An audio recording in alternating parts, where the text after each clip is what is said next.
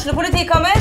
Ine Jansen er purk. Er du purk? The motherfucking bitch. Alt jeg vil, er å finne ut hva som skjedde med mannen min. Jon Carew. Er jeg sikta for noe? Iben Akeli. Det er du.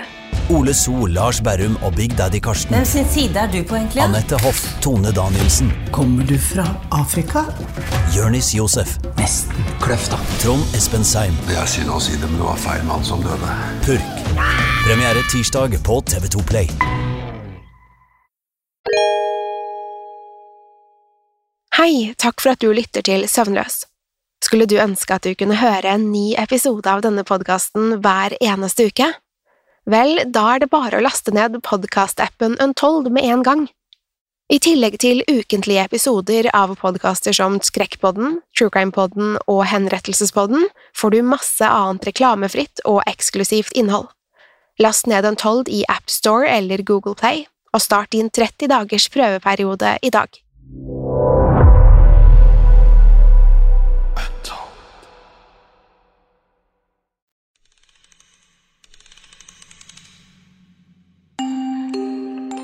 Om du har planer om å sove og drømme søtt i natt, er dette ikke podkasten for deg.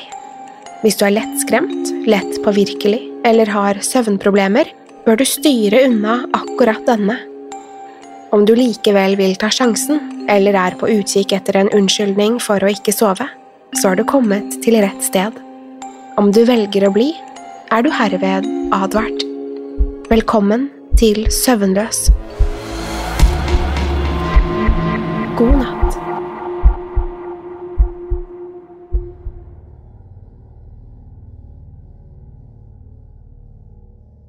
Jeg flyttet nylig på grunn av jobb. Det var ingen enkel avgjørelse, for jeg var nødt til å ta farvel med alt jeg hadde av venner og familie.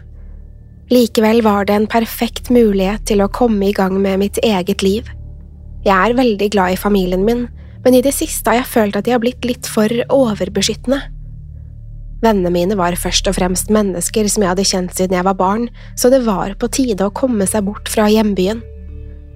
Jobben sendte meg til en av Norges mer bortgjemte og landlige trakter, men heldigvis fikk jeg en heftig bonus for flyttingen. Dermed kunne jeg kjøpe mitt helt eget hus.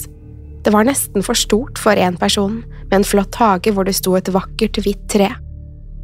Likevel var hovedgrunnen til at jeg valgte meg ut akkurat det huset, at det lå like i nærheten av en skog som jeg kunne utforske. Foreldrene mine lot meg til og med ta med den gamle familiehunden vår, slik at jeg ville ha en turkamerat.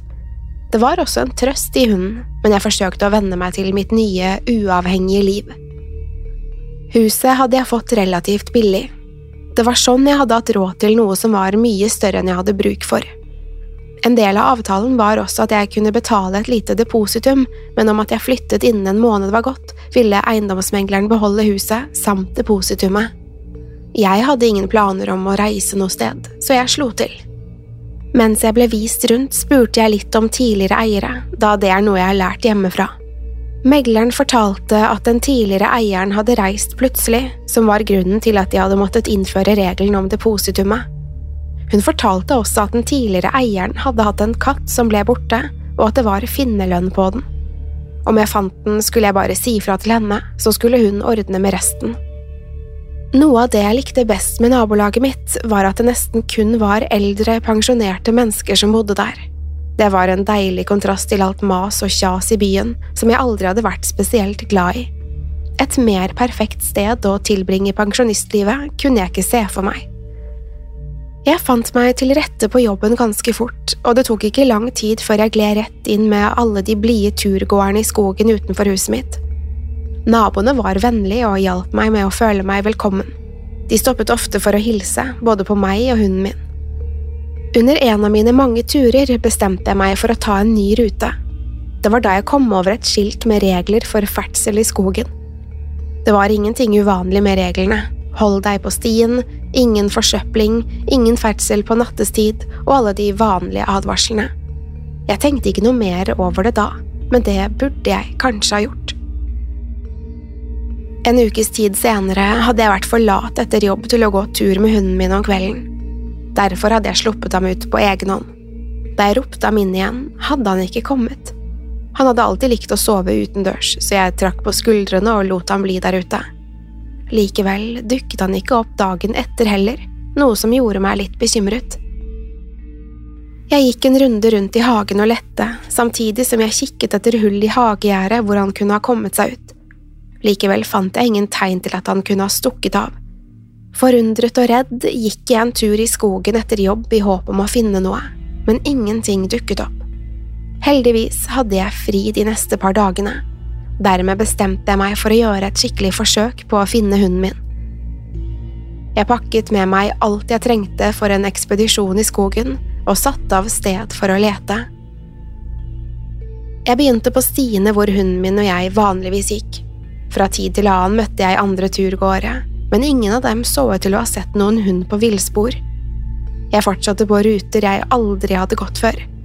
Det kunne jo hende hunden min var av den utforskende typen. Likevel var det ingenting å finne. Dermed var det kun ett sted igjen å lete – utenfor stiene. Leteaksjonen min gjennom de umarkerte stiene viste seg å bli ganske spennende. Det var en rekke vegetasjon man ikke kunne se ellers, og jeg er ganske sikker på at jeg så tegn til dyreliv. Likevel var jeg fast bestemt på hva målet mitt var. Jeg skulle finne hunden min, om det så tok hele kvelden.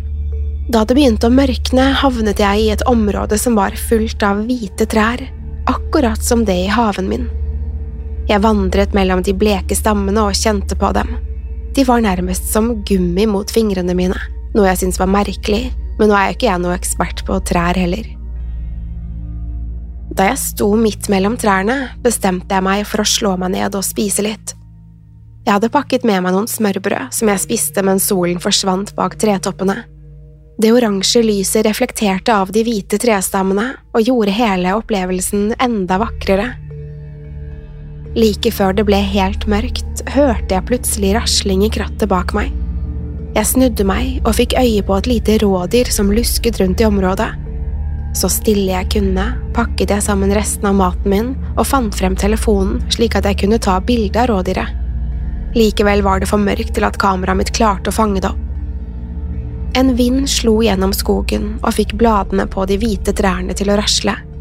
Lyden skremte rådyret som satte av sted gjennom skogen. Så stanset blåsingen like fort som den hadde begynt.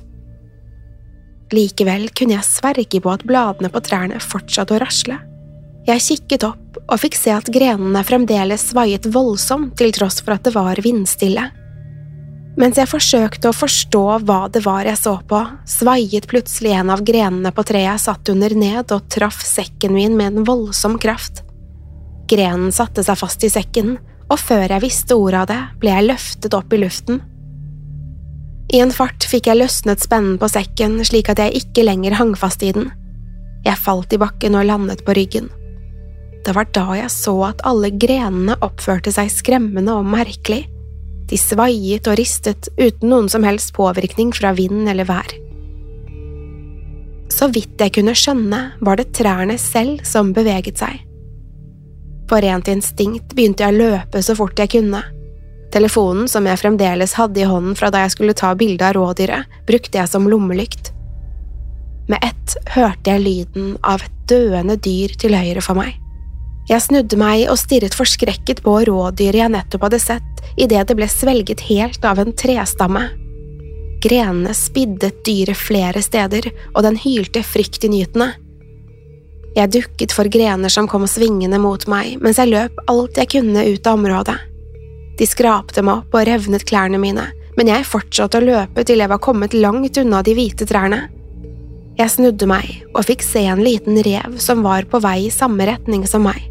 Den var like ved å være i trygghet da en av grenene spiddet den gjennom halsen og løftet den opp i været. Så ble også den fortært av de veldige trestammene. Til slutt klarte jeg å komme meg til utkanten av skogen og fikk øye på hagegjerdet mitt. Jeg snublet over porten og rullet over på ryggen i ren lettelse og utmattelse. Mens jeg lå slik, lukket jeg øynene og prøvde å forstå hva det var jeg hadde sett. Ingenting ga mening i hodet mitt. Det var da jeg plutselig hørte noe over meg. Lyden minnet om knirkingen fra en gammel treseng, og det kom fra rett over hodet på meg.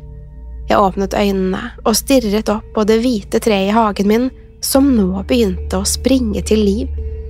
Jeg var innenfor rekkevidde, og nå hadde det lagt merke til meg. Så fort jeg kunne, snublet jeg meg på bena og spurtet mot huset. Imens kastet treet på grenene og slo etter meg. Jeg fomlet med nøklene og klarte så vidt å få opp døren før grenene fikk tak i meg. De skrapte mot husveggen og lagde et enormt leven, men jeg var i sikkerhet. Resten av natten satt jeg ved vinduet og stirret ut på treet, men nå var det blitt stille og urørlig igjen. Da morgenen kom, sto det fremdeles like stille. Jeg gikk forsiktig ut i hagen, men ingenting skjedde. Nå var treet like urørlig som et hvilket som helst tre. Likevel hadde jeg bestemt meg. Det gamle treet måtte bort. Jeg rotet frem verktøy fra boden og begynte å hugge i treet med en øks. Den var sløv, så det tok en stund å lage noen små hakk i stammen.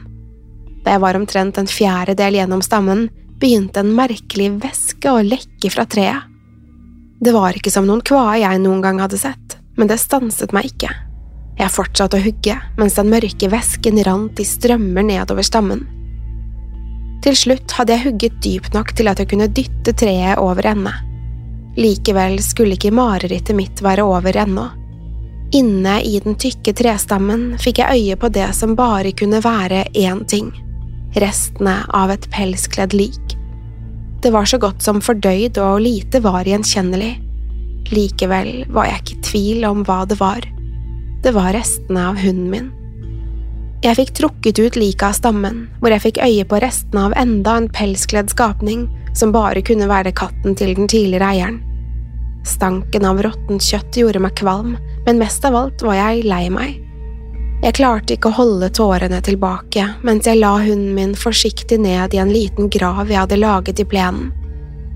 Etter at treet var hugget ned og hunden min var begravet, stavret jeg meg tilbake til huset. Jeg var møkkete, sliten og i sjokk. Etter å ha skiftet ut av de skitne klærne, la jeg meg på sofaen hvor jeg kun ble liggende og stirre opp i taket. Sorgen og frykten skylte over meg til jeg til slutt sovnet av ren utmattelse. Jeg ble vekket senere den ettermiddagen av at noen stakk en nøkkel i døren min. Lyden av stemmer utenfor fikk meg til å sette meg opp. Snart gikk døren opp, og tre mennesker kom inn. Den ene var eiendomsmegleren jeg hadde kjøpt huset av. Bak henne fulgte et ung par som kikket seg interessert rundt. Megleren var midt i historien sin om hvordan den tidligere eieren hadde reist uten å si fra da hun plutselig fikk øye på meg. Jeg så hvordan ansiktet hennes ble tømt for blod idet hun beklaget seg til både meg og det unge paret. Hun sa det må ha skjedd en feil mens hun skyflet bare ut døren og snudde seg mot meg. Både hun og jeg forsto at hun var blitt avslørt. Likevel ga hun meg et interessant tilbud. Hun lovet å betale meg en betydelig sum, så lenge jeg aldri fortalte noen om hva jeg hadde opplevd. Jeg vet det var feil av meg å godta tilbudet, men jeg så ikke for meg noen bedre løsning. Ingen ville trodd meg likevel. Pengene jeg fikk vil uansett holde meg over vann i mange år fremover. Jeg har holdt mitt ord. Jeg har aldri fortalt noen om det jeg opplevde, og jeg har ikke advart nye kjøpere. De kommer og går, uten at jeg gjør noe for å stanse det. Spørsmålet er bare hvor lenge jeg klarer å holde på hemmeligheten.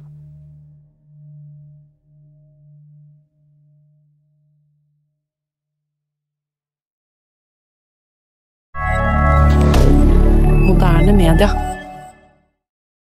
Har du et enkeltpersonforetak eller en liten bedrift? Da er du sikkert lei av å høre meg snakke om hvor enkelt det er med kvitteringer og bilag i fiken, så vi eh, gir oss her, vi. Fordi vi liker enkelt. Fiken superenkelt regnskap.